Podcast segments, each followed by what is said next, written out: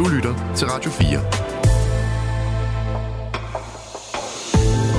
Velkommen til Vildspor. Din vært er Rasmus Ejernes. Så går vi i gang med denne uges afsnit af Vildspor. Og jeg kan godt afsløre med det samme. Vi kommer til at krydse nærmest alle røde linjer.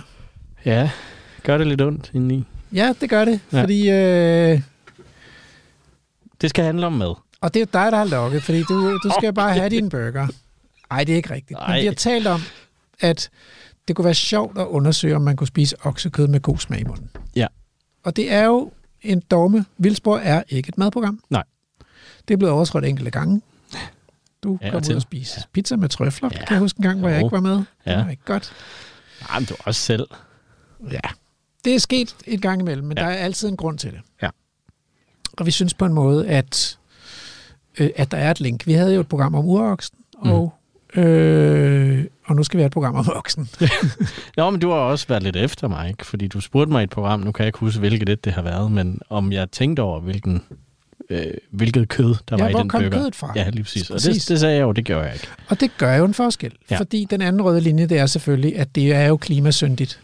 Ja. Oksekød, det går jo ikke. Vel? Altså, Nej. det er det værste, man kan spise nærmest. Ja, ja. De går og bøvser metan, når jeg skal komme efter dig. Ja. og spiser en masse øh, plantemad, der kunne være endt i maverne på øh, mennesker i stedet for. Ja. Når, når man går fra et trofisk niveau til det næste, altså hvis man går fra at spise planter til at spise dyr, Mm. så kræver det jo 10 gange så meget plads, sådan rundt regnet. Okay. Så Ja. det er virkelig Ja, det, øh, det er meget. Ja, det kan jeg godt høre.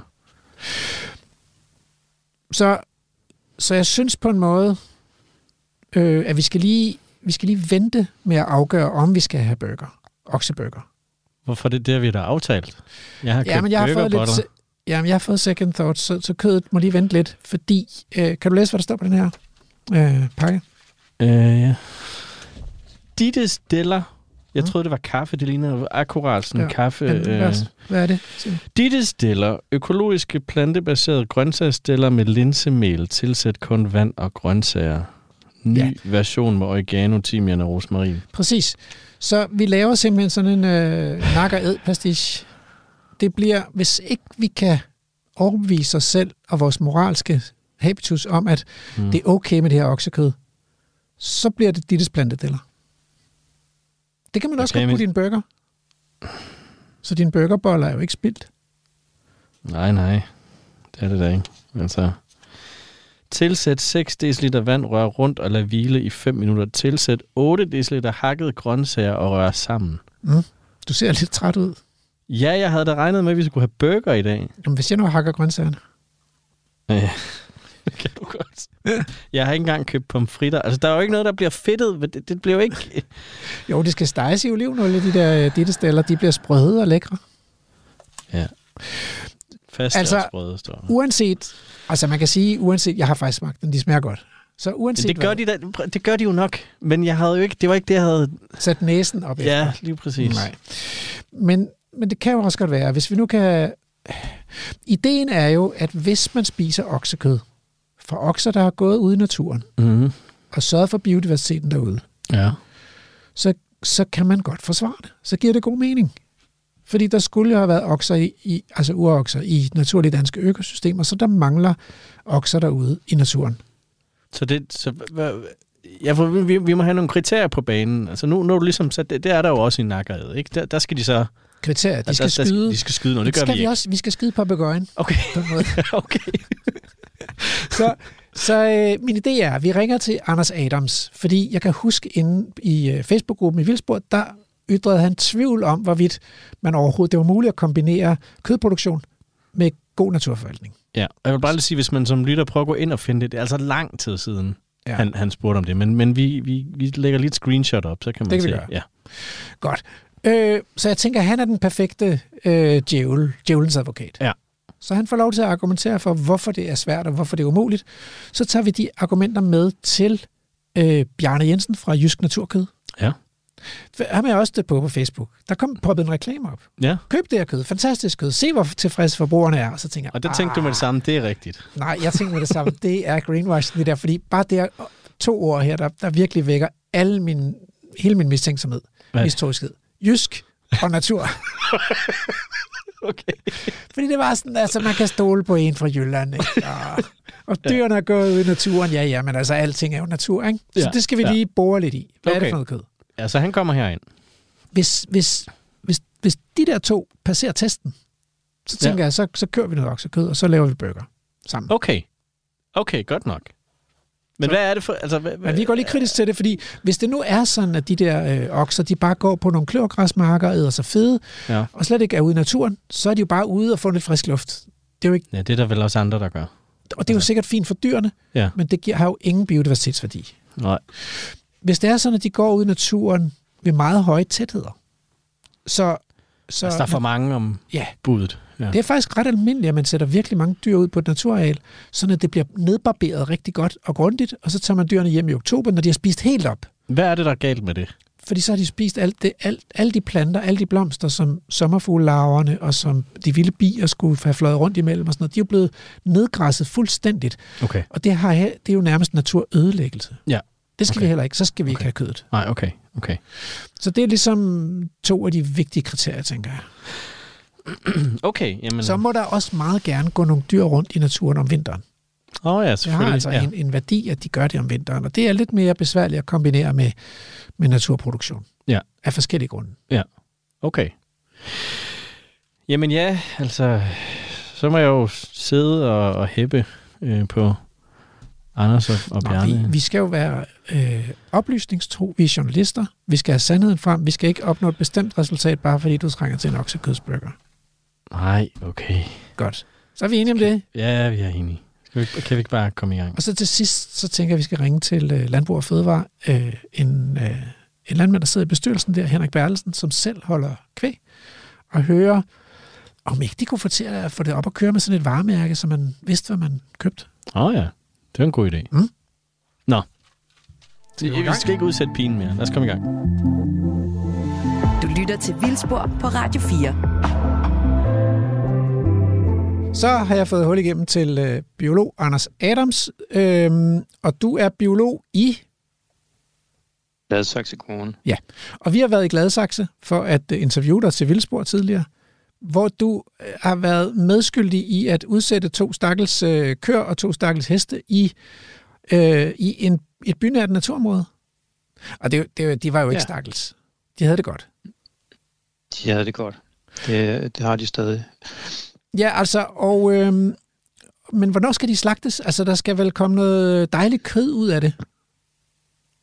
Nej, det, det er ikke øh, udgangspunktet. Vi laver jo øh, naturpleje, naturforvaltning, øh, naturgenopretning. Kært barn har mange navne, men, øh, men vi vil gerne lave biodiversitet, og derfor tænker vi, at dyrene skal gå der hele året og øh, i nogle nær naturlige tætheder. Okay, men altså, der er jo sådan nogle, øh, rundt omkring, så popper der jo sådan nogle øh, kogræsserlag op, hvor, hvor frivillige de går sammen om at indkøbe nogle kalve og sætte dem ud i naturområdet, og så, så belønningen for alt det her frivillige arbejde, det er ligesom, at man så sammen kan holde en slagtedag, hvor man fordeler kødet. Øh, Mm. men jeg forstår ikke, altså er det ikke sådan lidt meningsløst, hvis der ikke kommer noget kød ud af det i den anden ende? Altså, øhm, til det er der to ting at sige, synes jeg. Så øhm, som vildsportslyttere udmærket øh, ved, det er jo, at når de her dyr i sådan et naturligt økosystem, de her store dyr, de, øh, de dør, det har I talt om mange gange i jeres program, så er det primært i foråret, når, når føden slipper op. Altså de dør simpelthen af sult. Og øh, nogle af dem til en vis grad af predation, og det er jo så primært øh, for, de, for de store planteæder, så er det deres følger, kalve og sådan noget, der måske kan blive taget af en, en ulv eller en los eller en bjørn. Øh, så de forsvinder jo i, i foråret, når der er spist op. Og øh, der, hvor vi tager bøffer ud, det er jo i, i efteråret, øh, som er det, det tidspunkt, hvor dyrene er sundest og fedest og har det bedst, og derfor øh, er det biologisk set et meget unaturligt tidspunkt at, at tage dyr ud på. Okay, så, så når I vælger ikke at tage dyr ud, så, så er det ligesom, eller ikke at tage, tage kød ud af det her projekt, så er det ligesom fordi, at det vil, så vil man fjerne dyrene om efteråret, og så vil der mangle dyr om vinteren. Ja, det er i hvert fald, altså, jeg ville jo synes, at det var fantastisk, hvis man kunne kombinere de to ting, men det er det, jeg bare har en, øh, en fredsommelig faglig undren over i forhold til, om man kan øh, både tage øh, kød ud på det her tidspunkt af året, hvor der egentlig er noget kød at tage ud, og så samtidig så få sådan optimale biodiversitetseffekter. Så det er jo det gode gamle land sharing eller land sparing. Endnu en gang skal vi have hele hjertet naturforvaltning nogle steder, og så helhjertet produktion andre steder, eller skal vi prøve at blande de to ting? Og, og måske kan man tage en lille smule kød ud, og samtidig få rigtig gode uh, biodiversitetseffekter. Uh, men vi ved også alle sammen, at hvis man først går i gang med at skulle ligesom to ting, der måske er lidt modsatrettet, så risikerer man ligesom at ikke få noget optimalt ud af begge uh, formål. Oh, okay, så, så man kan sige, at, at jeres dyr i Gladsaxe, de er jo ikke, det er jo ikke reproducerende dyr, fordi naturområdet er så lille, at det giver ja. ligesom ikke nogen mening at have en bestand, der vokser. Men på Mols Laboratoriet for eksempel, der er det jo reproducerende dyr, så der vokser bestanden, når dyrene er kommet igennem øh, vinteren, jamen så bliver der født nye kalve og nye føl, og så, og så er der flere dyr øh, næste efterår, når man så skal gå ind i vinteren. Og der kunne man jo godt vælge at så sige, jamen så laver vi denne her proaktive forvaltning, hvor vi, vi cirka ved, hvor mange dyr økosystemet kan bære om vinteren. Og, og når så bestanden vokser til lidt over det niveau, så tager man nogle dyr ud inden vinterens komme. Mm. Kan, kan man ikke forestille sig, at det vil være en okay løsning i forhold til naturplejen? Jo, måske en okay. Det kunne være meget interessant at få testet i en seriøs, øh, seriøst videnskabeligt forsøg, fordi at det Mols Lab, øh, som jeg har forstået det gør, det er, at det er primært i netop foråret, at de tager dyr ud. Og det vil sige, at hvis de havde taget dem ud i oktober eller november, så havde deres dyrenes græsning jo ikke påvirket naturen derude hele vintermånederne. Og det er jo faktisk i de vintermåneder, vi ser rigtig store effekter. Der bliver der spist hårdt på vedplanter, der bliver spist hårdt på nogle af de græsser, sådan noget som engrørvene, det rører øh, vores dyr i Gladsaxe ikke før langt hen på året, så der er nogle ting, der simpelthen ville, ikke ville blive spist, hvis der var et lavt græsningstryk hen om vinteren. Og så er det jo også alle dyrenes øh, tramp og slid, som jo også har en, vil jeg øh, forestille mig, en meget større effekt, når øh, for eksempel på at slide på græssets øh, rødder, når jorden er våd og vandmættet, så giver det simpelthen mere skade, når de tramper rundt der om vinteren. Mm. Så man kan ikke efter, man kan ikke, altså hvis, som jeg ser det, så hvis man tager dyrene ud der med efteråret, så mangler de simpelthen hen over vinteren. Ja, øh, men hvis man så tager et, forestiller sig et meget stort, naturligt, vildt landskab, kunne man så ikke forestille sig, at mennesket gik ind i, i rollen som som de der manglende løver eller manglende leoparder, der ikke længere er i vores økosystemer i Nordvesteuropa. Der er jo heller ikke helt lige så mange ulve måske, som der er grundlag mm. for. Så kunne vi gå ind, ligesom rovdyrene, og så, og så året igennem sådan gå og, og tage dyr ud til konsum, som vi så kunne, altså, så vi kunne være et rovdyr i økosystemet. Det ville vel være næsten helt naturligt. Ja, det ville være næsten helt naturligt. Hvis det så skulle være næsten, næsten helt naturligt, så skulle man tage alle de skræntende dyr. Man skulle tage alle de nyfødte følger kalve, som jo kan have, som jeg har forstået det, meget stor dødelighed. Altså langt over 50 procent af alle øh, følge for eksempel kan godt forsvinde i, en sæson. Ikke? Og det har vi måske ikke så meget lyst til. Nej, det vil øh, ligesom være spædkalve og oldinge. Det, det ved ja, du godt, det sælger ja. nede i køledisken. Nej, Men, det er jo de sunde individer, der overlever. Men okay, så, så, så tager vi nogle af de lidt større dyr, og leger vi var sabelkatte der kunne tage et ordentligt stort dyr. Mm. Mm. Men jeg kan godt se, at det, at sådan nogle vilde økosystemer har vi jo ikke, vi kan gå og høste i. Så det vi har, det er, at vi har nogle naturplejeområder, hvor der går nogle robuste øh, kvægeraser rundt og laver naturpleje. Mm. Men er det, ikke, er det ikke egentlig også okay, fordi vi har jo en masse lysåbne naturtyper, heder og enge og overdrev og moser og strandenge i dag, som mangler græsning, hvor der, hvor der slet ingen dyr er, så er det ikke bedre i dag at, at, at ligesom sige, jamen så, så må vi have noget, nogle naturplejekvæg, og de, de indgår så på en eller anden måde også i oksekødsproduktionen. For ellers ville de jo ikke være der. Mm. Jo, og det, det er det muligvis, at hvis man siger, at man kan ikke få den optimale løsning alle steder, så kan vi godt arbejde med sådan en suboptimal løsning øh, nogle steder. Igen, der man, skal man så tilbage til det der med, og det er måske en lidt teoretisk diskussion, men, men giver det mening sådan at prøve at lave sådan noget halvdårlig øh, naturpleje kombineret med en ret lav produktion? Eller ville det være bedre at satse entydigt på både det ene og det andet?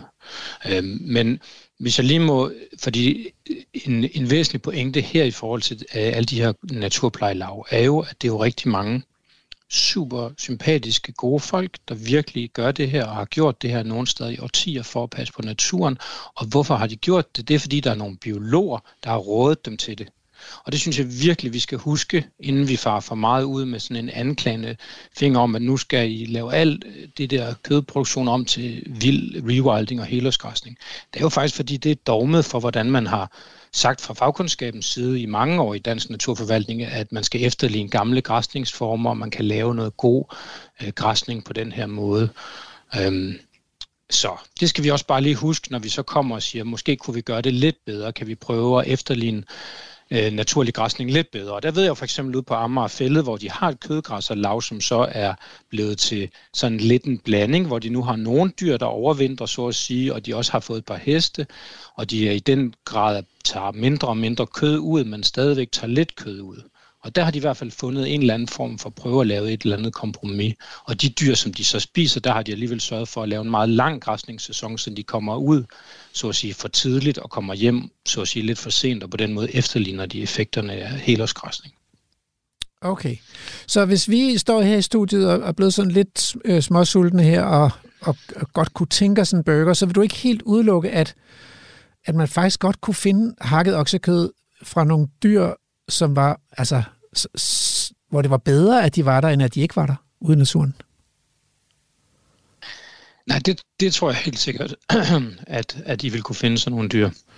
Men om, I så, om det vil være bedre kunne svare sig, at I købte noget gudsjammerligt øh, billigt produktions, øh, industriproduktionskød, og så donerede resten af pengene til noget helhjertet natur, det, det, det er et andet spørgsmål. Jamen, det, har- det har jeg ikke stillet, så det behøver du ikke at svare på. Nej, men hvad er det? Men der har vi jo så det andet problem, at vi vil, vi vil også gerne være klimadydige. Og, og, og Ja. oksekød er jo klimasyndigt ud over enhver grænse. Ja, Ja. Anders så Adams... Vi kigger det bøf. Ja, men det kan også godt være, det er der, det ender, hvis, hvis ikke vi kan overvise os selv. Anders Adams, biolog i Gladsaxe Kommune, tusind tak for at gøre os lidt klogere på dine bekymringer omkring oksekødsproduktion og god naturforvaltning. Ja, velbekomme. Du lytter til Radio 4. Nu øh, har jeg fået øh, Bjarne Jensen i studiet. Du er igangsætter, landmand og ejer af Jysk Naturkød. Velkommen til Vildsborg. Jo, tak. Og øh, tak fordi du vil komme herind. Øhm, og du er på en måde sådan lidt en hovedperson, fordi vi er ude på den her rejse, hvor vi prøver at finde ud af, kan man spise en oksekødsburger med god smag i munden? Ja. Du producerer oksekød? Ja. I Jysk Naturkød. Og jeg har en tilståelse her. Jeg stødte jo på jer første gang på Facebook, der poppede en reklame op mm-hmm. i mit feed. Ja. Jysk Naturkød. Ja. Og som den biolog og forsker jeg er, så tænker jeg bare, ja, nu skal vi lige se, om ikke det er greenwashing, det her. Ja. Så jeg prøvede at stille nogle frække spørgsmål i tråden, og synes ikke rigtig helt, jeg fik svar og sådan noget. Men på et tidspunkt var der en, der ligesom bragte en, et link til hjemmesiden, og så gik jeg ind og, og kiggede på nogle billeder. Ja. Så sagde det så meget godt ud. Ja, tak. Kan du, altså, kan du ikke lige fortælle, øh, hvad er det for nogle dyr, du har? Det er 100% skotsk hollandskvæg. Som vi Og det er de her øh, langhårede bæster Ja. med store horn. Min og lang hår og så videre. Præcis, og lang pandehår. Ja, altså, ja. min, yngste, min ældste datter var ikke ret gammel, før vi, vi havde, var ude at køre en tur i Jylland, og så på et tidspunkt råber hun begejstret, nej, se, mammutter! Ja, ja lige nøjagtigt. Men så var det. Øh, det var skotsk en, en lidt mere rolig dyr Ja. måske. Ja. Øh, okay, men hvor, hvor går de hen? Jamen, de går jo, altså jeg har jo mit, øh, det lyder så fint, vores lager og, og, og så videre, det har vi i Låsby, og så går dyrene, de går i Østjylland. De går ved Årslev Engsø og Jeksendalen og Harlev Mølle og Tarskov Mølle og så videre. Ja, Harlev. Det lyder som om, vi skal køre det rundt med dem, eller hvad? Det gør vi også, ja.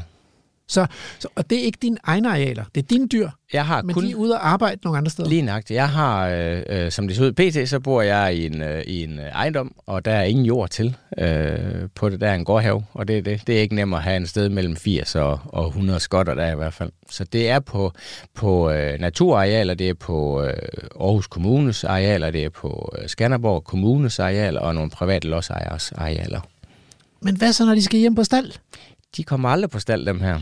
De har øh, pelsen, og de har i det fine byråkratisystem, har de øh, lov til at gå ude ligesom med øh, et par andre raser året rundt. Dog skal de have læ, ly og tør leje og mad, så de kan, hvad skal man sige, overleve af også jo. Men, men så noget af det, vi biologer også går lidt op i, det er, at der ikke går for mange dyr derude. Ja. Og derfor så, så er vi altid lidt bekymret for, hvis man fodrer dyrene meget, fordi, fordi så kan man, hvis man fodrer dyrene gennem vinteren, Mm. så kan man have alt for mange dyr om sommeren. Ja. Hvordan organiserer du den del af driften? Jamen, den, altså, vi har jo på, på de fleste af de her naturarealer, vi har, øh, for eksempel ned til Årslev Engsø, hvor vi har sammen med Aarhus Kommune og deres biologer, der har vi cirka 0,3 dyreenhed per hektar, der må gå der. Og der Mm. har vi jo de her 50 hektar nede, så kan man så gange ud og dividere Og- op, ikke også? Jo. Jo, men 0,3, det, bet- hvis sådan et dyr vejer en 300-400 kilo, så er Ja. det omkring 100 kilo dyr per hektar. Ja. Okay, det er jo, hvad vi vil kalde et nogenlunde naturligt græsningstryk. Lige nøjagtigt. Og det er den, jeg hele tiden... Det kan godt være, at jeg producerer kød, men jeg forsøger at holde det på, hvad skal man sige, afgræsningen skal være så minimal som muligt, fordi at vi ønsker ikke, at dyrene skal ødelægge naturen. Altså, at, at, at hvad skal man sige, den tramper det ned. Ja, eller spiser alle Eller spiser. blomsterne Ja, lige nøjagtigt, lige nøjagtigt, ja, også jo. Ja. Der skal være plads til det hele, og det er ja, naturkød, jeg sælger, så derfor er det også vores køer, øh, eller kvæg, for kun græs året rundt. Om mm. sommeren fra april, hvor det øh, i landmandssprog hedder udbinding, der kommer de ud på arealerne hjemme fra vintermarkerne, så kommer de ud på de her arealer, jeg omtalte før, og der går de ud til oktober, november øh, måned øh, og afgræsser derude, og der er ingen tilskudsfoder. Der er kun naturens græsser og urter og træer osv. Så alt det her med tilskudsfoder, det er noget, der foregår på nogle arealer om vinteren. Ja, Men hvad er det, det, er ikke nogle? landbrug, det er ikke landbrugsarealer, det er, eller det er landbrugsarealer som sådan, det er ikke naturplejeareal, det er bare en dum mark, de går på om vinteren. Så det er sådan en klassisk kløvergræsmark Ja, eller sådan ja. noget. Det er bare det græs, der nogle gange er, fordi når, når vi har et dyretryk hjemme på vintermarkeren, hvis vi tog den med ud til naturen, så ville naturen være smadret. Fordi der er så mange ben, der render rundt. Der, ikke også? Det, det, det, det bliver aldrig natur øh, på den måde. Der kommer aldrig blomster, der kommer lidt græs igen til sommer, og så er det det, jeg også øh, Jo. på det. Men, men altså, der vil vi biologer, vi vil jo gerne have dyrene, øh, nogle af os biologer i hvert fald, Ja. øh, gerne, gerne have dyrene ude i naturen hele året rundt. Ja. Fordi i et naturligt økosystem, altså, hvad kan man sige, forgængeren til, til, din kvæg, det var jo uroksen. Ja, lige nøjagtigt. Øh, og den gik jo ud i økosystemerne hele året rundt, Ja. ikke? Sådan Ja. lidt op og ned ad bakkerne og ind og ud af skovene og sådan noget. Ja, ja. Så, så hvorfor bliver de ikke bare derude? Så slipper du også for at køre rundt med dem og kan det, få dem slagtet på, på Det er ude rigtigt, i men, så, naturen. men der næv- nævner jo lige det selv, det sidste med slagtningen. Ja. En ting er at have sine dyr kun 100% for naturplejen. Der har vi dem, jeg ved ikke, om man kan dele det op som, men 80% på grund af naturplejen. Men så har vi jo et, et godt restprodukt, som hedder kød, mm. oksekød. Mm. Og hvis ikke, at vi om vinteren, sådan er det også med fugle og så videre, de spiser jo hen over sommeren, ikke også for at blive fede til vinter, for at kan holde hul hen over vinteren, ikke også jo. Det er samme med vores dyr. De spiser jo heller ikke om sommeren for sjov. Det er jo fordi, de har en kalv, blandt andet, de skal holde, øh, holde liv i, også med mælken, indtil den selv kan spise. Mm. Og, men de spiser jo lige så meget for, at de hvad skal man sige, tror, at til vinter Der bliver der smalhals. bliver der smalhals. Ja. Det gør der så ikke her, fordi der kommer de hjem på vores vintermarker og får stadigvæk kun græs, mm. som de øh, hvad skal man sige, lever af året rundt. Der, Ja. så, så, og for at vi fodrer dem der fra november til april, det er selvfølgelig for at holde en, øh, en, hvad skal man sige, en, en, en høj kødprocent på dem. Alt, mm. sådan de ikke smider det, de er smidt eller øh, samlet op hen over sommeren. Også, jo. Men- så det er simpelthen fordi, at vi kan slagte året rundt til Ja, det skulle lige til at spørge, hvornår slagter I? Fordi Hver i tredje uge der ah, fordi sådan nogle kogræsserlag, der er det typisk, alle dyr bliver slagtet i til efteråret. oktober ja, eller november. Lige nøjagtigt, ja. Men I slagter løbende, ja. det, og det er for at have været fersk kød til Det er for kunderne. at have kød til kunderne, ja. Vil man gå i en fryser jo? Det kunne man godt, ja. Men det er svært at bestemme, hvad vi til oktober, hvis vi slagtede hele besætningen der, så er det jo svært at bestemme, hvad vi vil have i februar måned at spise. Hvad det er for en bøf, forbrugeren vil have. Plus, at det er sådan, at vores dyr, øh, skotsk hollandskvæg, de er, øh, hvad hedder det, langsomt voksne, og derved også et mørk, altså de er to, to og en halv år, inden vi slagter dem. Mm. De andre, de der kogasserlav og så videre, de bliver, det er det, man kalder kalvekød, mit er oksekød. Mm. Det er fordi, at de sjældent er over et år gammel, inden man slagter dem, som du siger, man slagter dem til indbinding, altså efteråret kommer. Også, jo. Men kunne man så ikke forestille sig, at der var nogle af de dyr, der ikke skal slagtes endnu, som kunne blive ude på naturarealerne vinteren igennem, øh, og så tabe sig lidt, men så tage på igen næste Det er der næste også, År. der, der er en lille twist i det også, fordi det er der også nogle af køerne, der gør. Der bliver Okay. det ud, dem hvor vi har, altså de produktionsdyrene, hvor køerne går med kald i her, de går med kald nu her og får i april øh, maj måned for de kalve, ikke også jo, i produktionsdyrene. Der er nogle af dem, hvor vi forsøger at holde dem ude på arealer, men hvis nu man tager over Vingsø, så har vi haft lidt vand her på det, Det kan sidste. jeg godt forestille mig. Og der, hvis, det, hvis vi har beholdt dem derude, så er de simpelthen drukne. Der er en meter vand over, hvor de skal søge græs, ikke også øh, på Ja. det. Øh, Så det du så, siger, det er, hvis, man, hvis det her skal fungere, så skal arealerne også have en, en karakter, hvor der både er højbundsarealer, øh, Helt afgjort. måske også noget ly og læ, noget skov og noget krat. Bare, bare der er noget skov og noget, hvad skal man sige, noget tørt leje til dem, så, ja. Så klarer de sig 100%. Så er der bare nogle andre mennesker, som går ind og hvad skal man sige, menneskeligt gør de her dyr. Som du selv med uroksen, den havde jo ligesom ingen øh, hus, den kunne gå ind i dengang, den var her. Den fandt jo træer og krat, den kunne søge ly i, ja, også jo. Så, så hvor meget, nu har vi tidligere lavet et program faktisk med nogle dyreholdere, som har følt sig chikaneret af dyreaktivister, tror mm. jeg Mhm. godt, jeg kan kalde dem. Ja, hvor, ja. meget, hvor meget fylder det også i dine overvejelser, at, at det slipper du for, hvis du tager dyrene hjem på en mark? Ingenting. Okay. Det er 100% for dyrenes øh, ved og vel, havde jeg nær sagt. Og Også. Og så kødproduktionen også. Ja. Ja. Men det er jo det, jeg siger, at køerne, der går med kald i maven nu, kunne godt gå ud på de arealer, ikke også? Hvis det var sådan, at vi ikke lige havde en arealer, hvor der var oversvømmet i øjeblikket, der, ikke også? Så kunne de i princippet godt gå derud, ja. Så altså, jeg tror også det der med, med dyreaktivister, så jeg møder dem jo også her ude ved mine dyr hver dag. Vi har øh, 18 steder, vi græsser af, mm. så selvfølgelig møder jeg mange, mange mennesker på min tur rundt, og de fleste stopper op og siger, at det er nogle skønne dyr, og det er flot vejr og så videre. Og så er der også nogen, hvor vi får lov at tage diskussionen med, om det er godt med det her oksekød, om det er godt for naturen, om det er dit og dat og frem og tilbage. Og der er der nogle diskussioner, der tager lidt længere tid end bare lige gå der og farvel. Ikke? Men det er jo det, der er fedt. Okay, det, det er dejligt, du synes, det er fedt. Og hvis du selv skulle sige det, hvordan har dine dyr det? Det er jo et produktionsdyr, Ja. sammenlignet med andre produktionsdyr i Danmark. Jeg vil jo sige, hvis man går ud fra, at hvordan dyrene, altså skotsk højland, det er den tætteste, vi kommer på urkoner og urkvædet, ikke? så lever den her fantastisk. Mm. Fordi den har de omgivelser, den skal. Den har frie arealer, den har øh, høj og lav, og den kan øh, gå ud af græs, den kan gå om vinteren, kan den gå hjem og, og, og finde det føde, den skal have for at og, og føle sig vel øh, tilpas også, og så videre. Den har tørt leje, den har våd leje, den har, ja, betingelserne er opfyldt for den. Det eneste, man kan sige, den, og det, det er jo dyr, så den tænker jo ikke som os jo, altså hjernen den er jo på størrelse med en halv knytnæve, så den tænker jo ikke andet på at overleve og formere sig, det er jo det, den reelt gør, ikke også? Sex og mad, men det gør vi andre Ja, jo det også. er jo helt naturligt. Men det eneste, man kan sige, hvis man så lidt groft ser på det, og øh, hvis man holder lidt med dem, der, der holder lidt for meget af dyrenes hjerne, ikke? det er jo, at vi har dem inden for et hegn, og der har jeg 100%, har du dem inden for et hegn, mm. øh, vores dyr, om det er gris eller kalkun eller hvad det er, ikke? så er du også forpligtet til, at de har det bedste liv, man kan give dem mm. Øh, på det. Hvorfor, hvordan kan det være, at du har valgt lige, du kunne jo også lavet noget andet, ikke? Ja. Øh, Hvad ved jeg? Ja, du har ja. sikkert nogle andre talenter. Så hvordan kan det være, at det lige blev... Øh, Jamen, det var helt tilfældigt i 2010, da vi startede med at købe vores øh, første ko, Tine, med kald i maven og en kvive siden her. Mm. Det var, fordi vi havde fire børn, øh, som hver dag satte sig til øh, aftensmadbordet og, og, og bare skovl ind, han har sagt. Og så ville vi egentlig gerne vise dem, at man godt faktisk kunne have nogle dyr, altså nogle hønser og noget, det blev så til de her skotsk højlandske som vi faktisk godt kunne passe på og have det rar med. Mm. Og så kunne man godt spise sin, altså man kunne godt kæle med sin bøf, eller man skal sige, ikke også? Det var der egentlig ikke noget forkert i. Det var sådan set bedre, at man vidste, hvor sit kød kom fra, ikke også jo?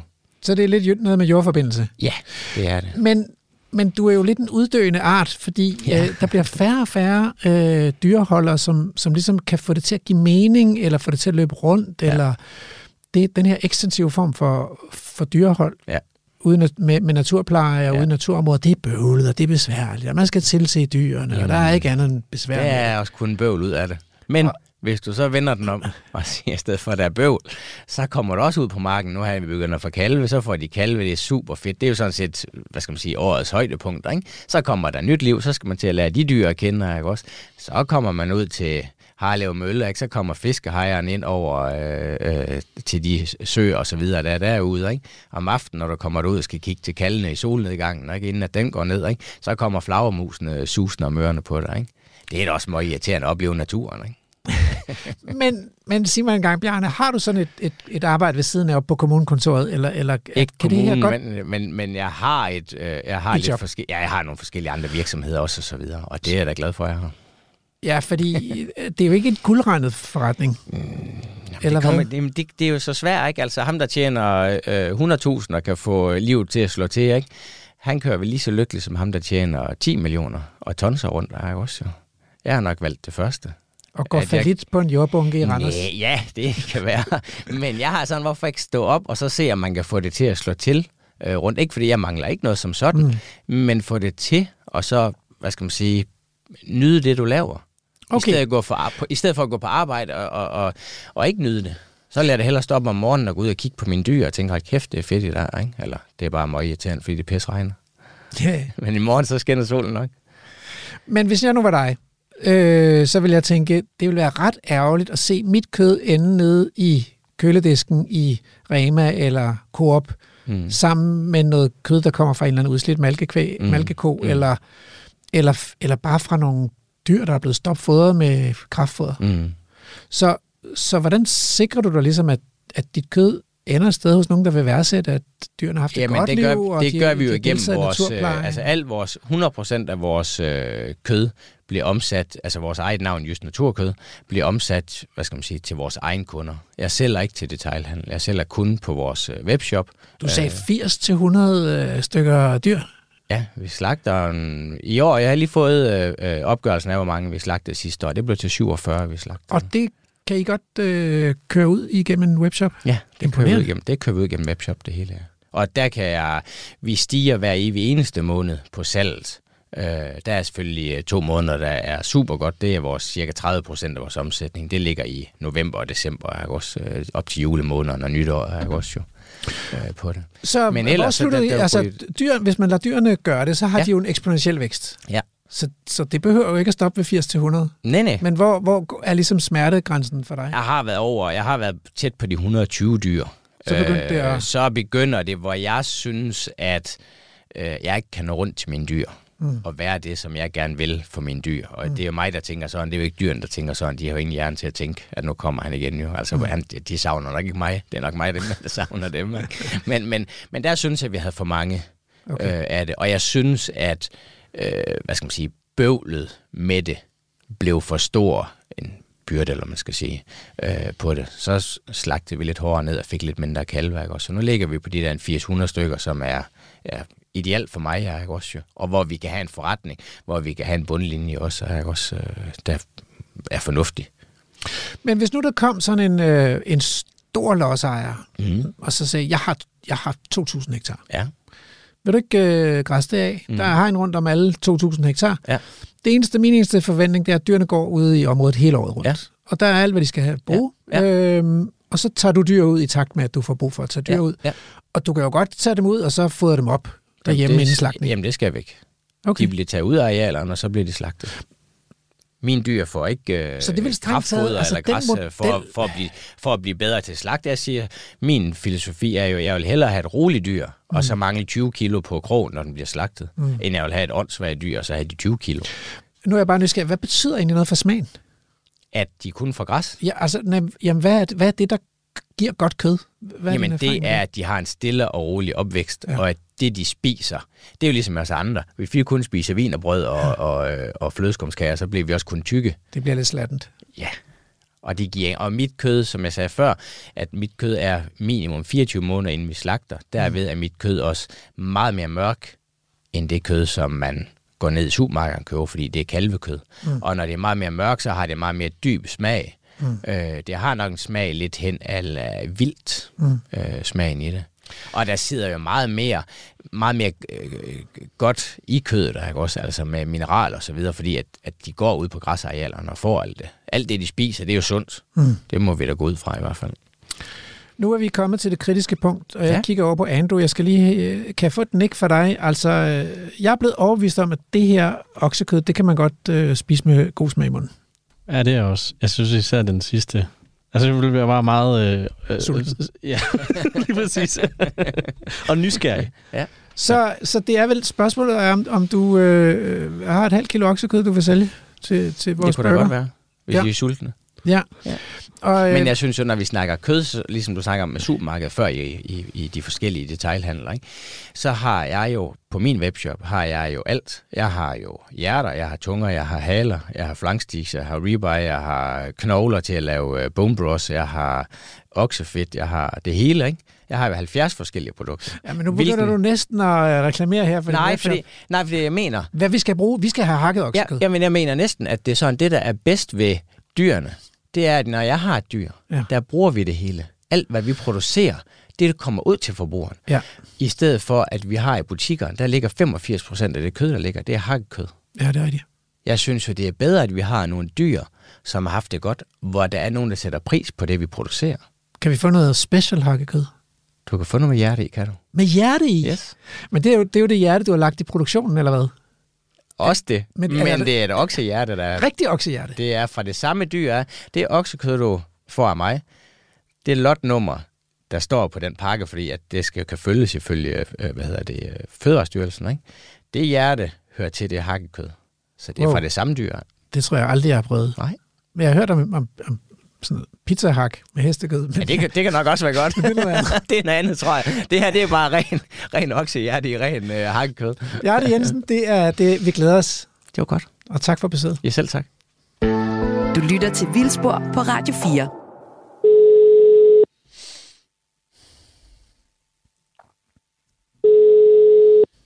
Ja, det er man. Det er Rasmus Ejernes her fra Vildspor. Øh, tak fordi vi må ringe til dig. Du har været med i Vildspor et par gange, så hvis der er nogen lytter, der tænker, ham har vi da hørt før, så er det rigtigt. Ja. Øhm, og så er du formand for Familielandbruget Sydvest og bestyrelsesmedlem i Landbrug og Fødevare. Det er rigtigt, ja. Og så har du faktisk også, øh, i dag handler det jo lidt om oksekød, men du har kødkvæg på din ejendom. Det har jeg. Ja. Jeg laver noget oksekød. Vi har jo tænkt os, altså vi undersøger det her program, om man kan spise oksekød med god samvittighed, og, øh, og vi er simpelthen nået frem til, at det kan man godt, så vi, har- vi, har, vi har købt noget oksekød, og vi skal op og tilberede en burger. Men, mm. men hvad tænker du om den sag? Du, du må også have opdaget, at, at oksekød er sådan kommet lidt i, øh, i skudlinjen. Ja, det har jeg da bestemt opdaget. Øhm, men jeg synes at I skal spise jeres øh, burger med god samvittighed, men, men så håber jeg da også, at I har overvejet lidt, hvad det er for noget kød, I har købt til den, og, og hvordan det er produceret, og hvor det kommer fra. Det, det tænker jeg da, det kan jo være med til at flytte tingene også. Så, så, så vi har jo stillet, vi har haft besøg af Jysk Naturkød. Øhm, så der kom simpelthen en, en, en ejer af Jysk Naturkød ind og, og fortalte om, hvordan han havde sin, jeg tror han havde Galloway, nej, han havde øh, Skotsk højlandsokser, øh, okser, og de gik ud og græssede nogle naturarealer. Er det ikke, ja. øh, så er man vel godt på vej, eller hvad? Det tænker jeg da. Øh, men, men, men der er jo mange dilemmaer i det her, ikke også? Fordi jeg så på, altså det kommer lidt an på, hvad man prioriterer højst. Øh, jeg har jo set nogle opgørelser fra et universitet, hvor man har gået ind og regnet på, hvad klimabelastningen er for et kilo oksekød. Øhm, og ifølge deres beregninger, så var klimabelastningen dobbelt så stor fra, en, øh, fra et dyr, der har gået ud og græsset i naturarealer, end det var fra en øh, tyrkald, der er blevet intensivt fedet op ind i en stald. Altså dobbelt så stor. Omvendt, så er det jo nok ingen tvivl om, at den dyrkald, der er blevet fedet op ind i en stald, den har haft nul gavnlig virkning på naturen. Øh, og det kan dyrene, der har gået ud og græsset ude i naturarealet, jo have haft. Så, så det kommer lidt an på, hvad man prioriterer, og hvordan man, øh, hvad, man- hvad det er, man lægger vægt på. Fordi i, uanset hvor gerne vi vil have de der universitetsfolk til at fortælle os, at de der dyr, der gik ud i et naturareal, øh, de havde en lavere klimabelastning, så kunne vi ikke få dem til det. Øh, men der var ingen tvivl om, at de havde en, øh, en rigtig gavnlig naturvirkning. Ja. Så, så, så det er ikke sikkert, at man kan få det hele, øh, uanset hvad man vælger jo. Nej. Desværre. Men øh, vi, vi havde har haft et program om, om uroksen, og jo kommet frem til, at, at det er faktisk naturligt i danske økosystemer, at der går okser rundt derude øh, Ja. i naturen. Så, så derfor så tænker vi, at de på en måde skal holdes ude af det der klimaregnskab, hvis de vel og mærke går i naturlige tætheder derude. Så der skal ikke, det skal ikke vælte rundt med dyr. Det skal være sådan et, et naturligt niveau af græsning. Jamen det, det, er, det er jeg ikke i tvivl om, at I har ret i. Jeg er helt sikker på, at øh, store græsende dyr, det vil altså kreaturer eller andre, øh, i naturlige tætheder, det er ikke dem, der er årsag i, øh, i den klimakrise, vi står i. Det Mm. er der slet ingen tvivl om. Øhm, så jeg er da også bekymret, altså også, også, også når jeg kigger på min egen produktion, fordi nu snakker man jo, nu får vi at vide næste uge her, hvordan man tænker med sådan en klimaafgift. Der er jo rigtig mange, der snakker afgift på oksekød. Ja. Øhm, og, og der håber jeg jo på, et eller andet sted, hvis det skal give mening, ikke, så laver man vel et system sådan, at man kan tilpasse sig, som man kan reducere sin klimabelastning på sit oksekød, og dermed også opnå en lavere afgift. Det må vel være fidusen med sådan en afgift, som skal virke. Men når jeg nu kigger på min produktion, som nogle dyr, der går ud og græsser herude i Vejen Mos på nogle naturarealer, nu er vi fået lige ved at tage dem ud af, af drift til i et lavbundsprojekt, øh, så har jeg jo svært ved at tro på, at vi får en model, der tager hensyn til den produktion, jeg har, eller tager hensyn til den gavnlige naturpåvirkning, jeg har. Jeg frygter jo lidt, at man får sådan en, måske sådan lidt en ensartet afgift på alt oksekød, fordi det er nu det, der er nemt at lave. Det andet, det bliver alt for tungt byråkratisk. Og så kigger jeg jo ind i, at den eneste måde, jeg kan reducere min klimabelastning på, det er sådan set ved ikke at have dyrene. Mm. Øh, og så blev det jo naturen, der blev taber i det her. Øh, og det håber jeg, at man vil tænke ind i sådan nogle modeller her, at, at, at det nødigt skulle få den effekt. Men, men det er jeg da rigtig spændt på. En af de ting, vi har talt om her i dagens program, det er jo også, altså kunne man, kunne man få et, et, et, et mærke, altså sådan, at man som forbruger ikke skal ringe og interviewe landmanden, men, men ligesom, kan, ligesom man kan, i dag kan navigere efter økologi eller, eller friland eller sådan noget. Kunne man få sådan et, forestille sig sådan et mærke på oksekødet, hvor der ligesom det fremgik, at det her, det er altså det er kød fra dyr, der har gået ude i naturlige tætheder, i naturlige økosystemer og gjort gavn for biodiversiteten. Det kunne jeg godt tænke mig sådan et mærke. Jamen, det kan man da sikkert godt lave. Øhm, nu er det vel efterhånden lidt... Altså, der er jo efterhånden ret mange mærker, tænker jeg. Øh, og der skal nok også en vis, øh, der skal nok også en vis markedsføring til for at få sådan nogle mærker øh, til at slå an. Øh, men jeg er da sikker på, at hvis, øh, især hvis forbrugerne de efterspørger det, at man vil kunne, at man vil kunne øh, synliggøre det på produktet, øh, så man ikke skal helt, helt ned øh, og tjekke op på det enkelte dyrs øh, levevis ude hos den enkelte landmand. Mm. Men, men jeg tænker også, at nogen vil, jo lægge, nogen vil jo måske have et klimamærke, som, som man kan tage som udgangspunkt for, at man gerne vil købe det, og nogen vil måske gerne have et naturmærke. Mm. Øhm, og det, det kan godt blive, jeg tror det kan være svært at få det hele til lige at, at fænge på en, øh, på en måde, så folk de, øh, får den rigtige opfattelse af det, og, og det giver mening.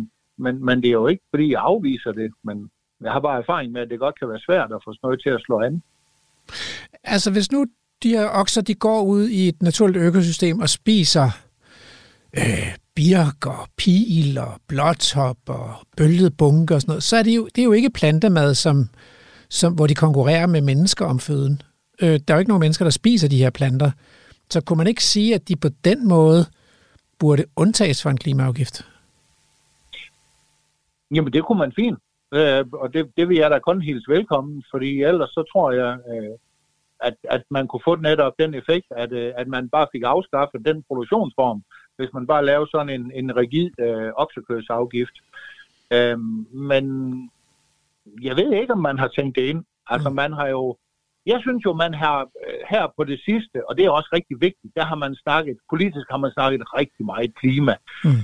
Øh, nu kan jeg også se i de her modeller, man nu begynder at snakke om, ikke? så snakker man om sociale skævheder i forhold til indkomstgrupper og lignende. Mm.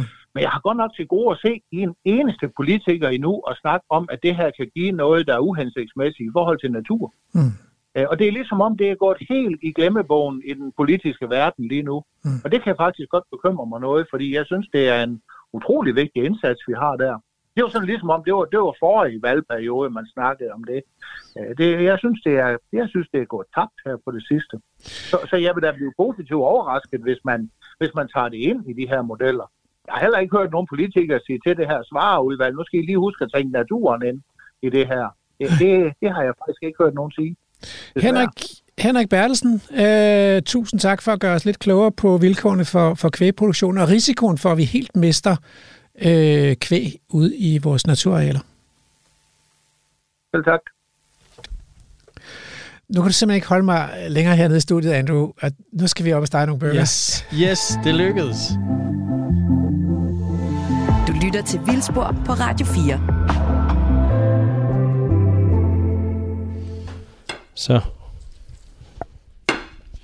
Ja. Se, så har vi lige noget oksekød her, og nogle ditte steller, og jeg tror, vi er landet på oksekødet. Ja, vi ikke? Vi skal have... Vi skal have stegt et par bøffer. Du har jo noget fantastisk brioche burgerboller med. Jeg har nogle tomater, der skal skæres i skiver, noget salat, der skal skylles. Så har vi det klassiske, altså sennep, ketchup, lidt mayonnaise. Ja, hvad, hvad putter du egentlig i din burger? Det er jo en Jamen, jeg tror, hel videnskab.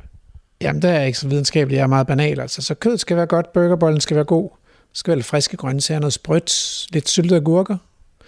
Og så kan jeg godt lide både at have en god dijon en god ketchup og, og lidt mayonnaise. Så den ikke bliver, den skal jo slet ikke være tør, den skal være sådan lidt saftig. Ikke? Jo, jo, bevares. Ja, okay, ja. Hvad med dig?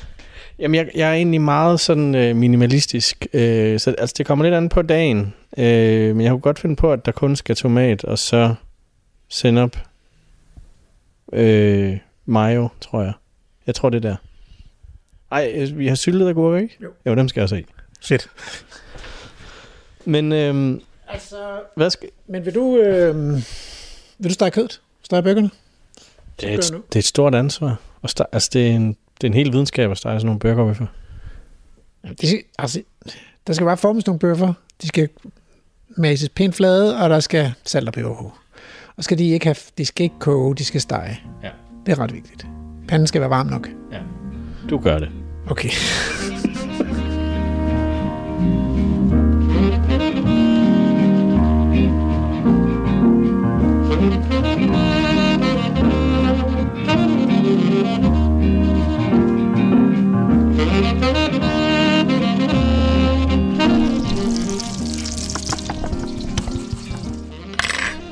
Åh, oh, for satan. Jeg troede, du rakte mig en, jeg troede, du rakte mig en paletkniv, så jeg greb på mikrofonen i mine fedtede, kødfedtede fingre her. For satan også. Det var det sjovt. Nu kommer det på panden. Nej. Mm. Jeg har jo ikke fået frokost, altså. Jeg er sulten. Det er noget flot kød. Ja, det er det faktisk. Så Hans Bjarne snakkede jo om, at det havde en, meget me- mere rød farve, ikke? Og det er en mørk, mørk rød farve. Det er jo fordi, det er oksekød og ikke... Det er ikke sådan noget lyst kalvekød. Mm. Det begynder at dufte det samme.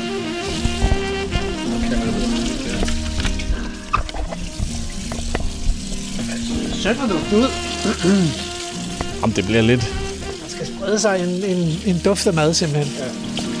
Vi, kan, altså, vi er jo stadigvæk på kontoret. Vi er simpelthen... Der er et køkken. Øh, Det er jo mig, der er Nikolaj Kirk, og dig, der er Jørgen Skovbo.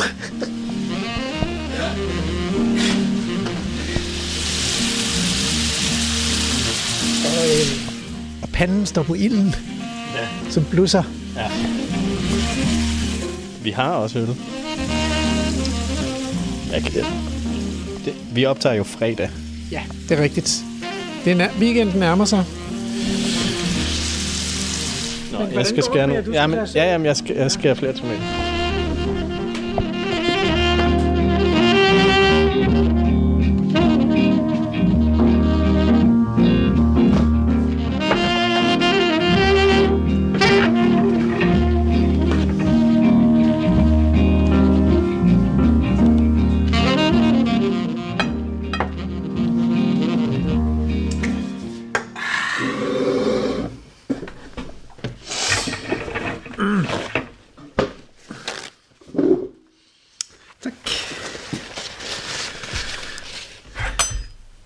Jamen, så skal den jo monteres. Ja. Hvad, altså, hvad vil du... Jeg, jeg starter med et lag sennep. Det er Ja. ligesom sådan godt basics. Der er en god, god dijon sennep her. Og så, så vil jeg nok putte, øh, jeg kan godt finde på at putte ketchup ovenpå sennepen. Tror du egentlig, den måde, man samler den på, har noget at gøre med... Altså, har det indflydelse på smagen? Ej, det ved jeg ikke. Der skal være noget sprødt og noget surt og noget saftigt. Og jeg tror, man skal ikke have for mange lag med grøntsager uden, uden ketchup eller mayonnaise eller et eller andet saftigt. Ikke? Nej. Sammen, med, sammen med det sprøde.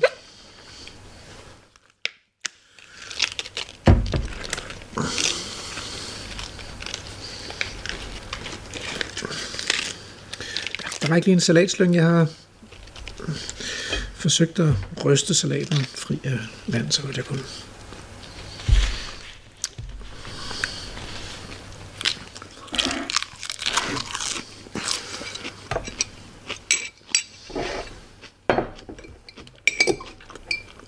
Og jeg kan se, at du har skåret rå løg. Det er dejligt. Ja, Det, kan jeg godt det havde du også med. Det glemte du lige. at- Det glemte jeg at sige, ikke? men der, det lige, giver lige sådan skarpt. Jamen, det er rigtigt. Det skal jeg til. Vi har jo vi har to bøffer, fordi at jeg tænkte alligevel, det blev for stor en burger at lave to. to store det blev, bøffer, det, ikke? Det blev en kæmpe burger, ikke? Så jeg tror lige, jeg ser lige, hvordan... Jamen, jeg, jeg går simpelthen med dobbelt her. Danskerne spiser jo... det er en dobbelt whopper. Ja, Danskere spiser øh, cirka 1 kilo kød om ugen. 52 kilo kød om året. hold da op. I gennemsnit. Så det er jo alle danskere, ikke? Ja. Øhm, ja. Og danskerne er spiser ligesom andre europæiske nationer mindre kød. Men det går langsommere for danskerne med at sætte deres kødforbrug ned. Okay. Eller vores, ikke? Ja. Det bidrager vi så heller ikke til i dag, men det går jo i en god sagstjeneste. Ja. Synes jeg. Der er en øl. Ej, hvad er det? Det er en øh, double dry hops, double dry hop, single hop India Pale Ale. Fra to øl. Det lyder dejligt. Meget frugtig. Og dejligt bitter. Nå, nu kan vi ikke trække den længere. Nu skal vi smage skal på det. smage på det her.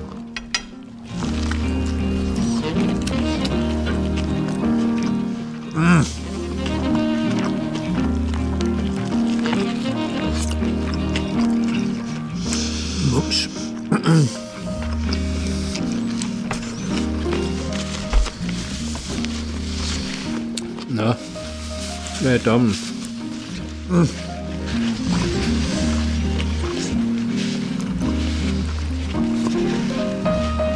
Det smager vildt godt, og, øhm, og jeg spiser den faktisk med god samvittighed. Mm.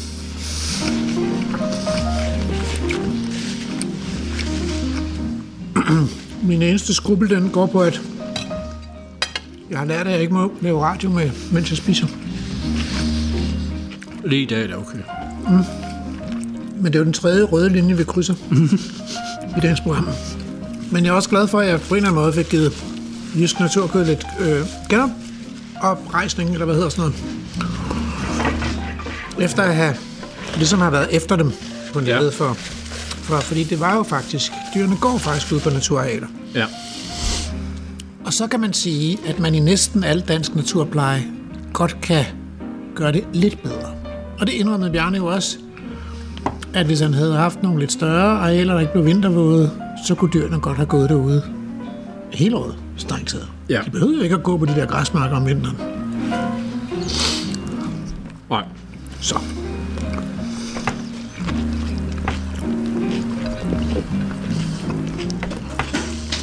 Men, men det vil ikke være nogen skade til, hvis der kunne komme endnu mere omsætning og efterspørgsel på naturkød. Fordi 80% af de lysåbne naturtyper i Danmark, enge, overdrev, heder, moser, strandenge, de er uden græsne dyr i dag. Der er kun det græsne, de vilde græsne hjortevildt, og øh, de er i alt for lave tætheder. Og det er små dyr, som har en ret ensformig påvirkning af vegetationen. Så der mangler heste, okser, bisoner, vandbøfler, den slags store dyr. Mm. Og hvis det kan stimuleres ved, at man øger efterspørgselen på naturkød, så tænker jeg, det ville være rigtig godt. Og hvis folk så kunne holde op med at spise alt det andet kød og mejeriprodukter fra intensiv landbrugsproduktion. Men øh, det kan være, at lytterne skal have en øh, pause fra at høre os sidde og tykke. Har du... Det er jo ikke fair, hvis de, hvis de også bliver sultne, og der har de ikke lige noget Nej. jysk Nej. naturkød. Nej. Jeg tænker umiddelbart, at Sjællands naturkød er lige så godt. Det tænker jeg også. Ja. Der skulle ikke være noget der. Det behøver ikke kun være det jyske. Det der med hjerte, jeg synes ikke, jeg kan smage, at det sådan er meget anderledes. Nej, det tror jeg heller ikke lige, jeg kan. Men det smager godt. Du, øh, du vil give lytterne en pause? Ja, jeg tænkte apropos hjerte, om du havde et, et haiku. Det har jeg selvfølgelig, fordi øh, ellers ved jeg, at jeg får ballade med dig. Mm. Det lyder sådan her. Blodrødt oksekød. Klimasyndig. Fortidslyst. Naturkattelem. Skål. Skål. Programmet er produceret af Videnslyd for Radio 4. har lyttet til en podcast fra Radio 4. Find flere episoder i vores app, eller der, hvor du lytter til podcast. Radio 4. Ikke så forudsigeligt.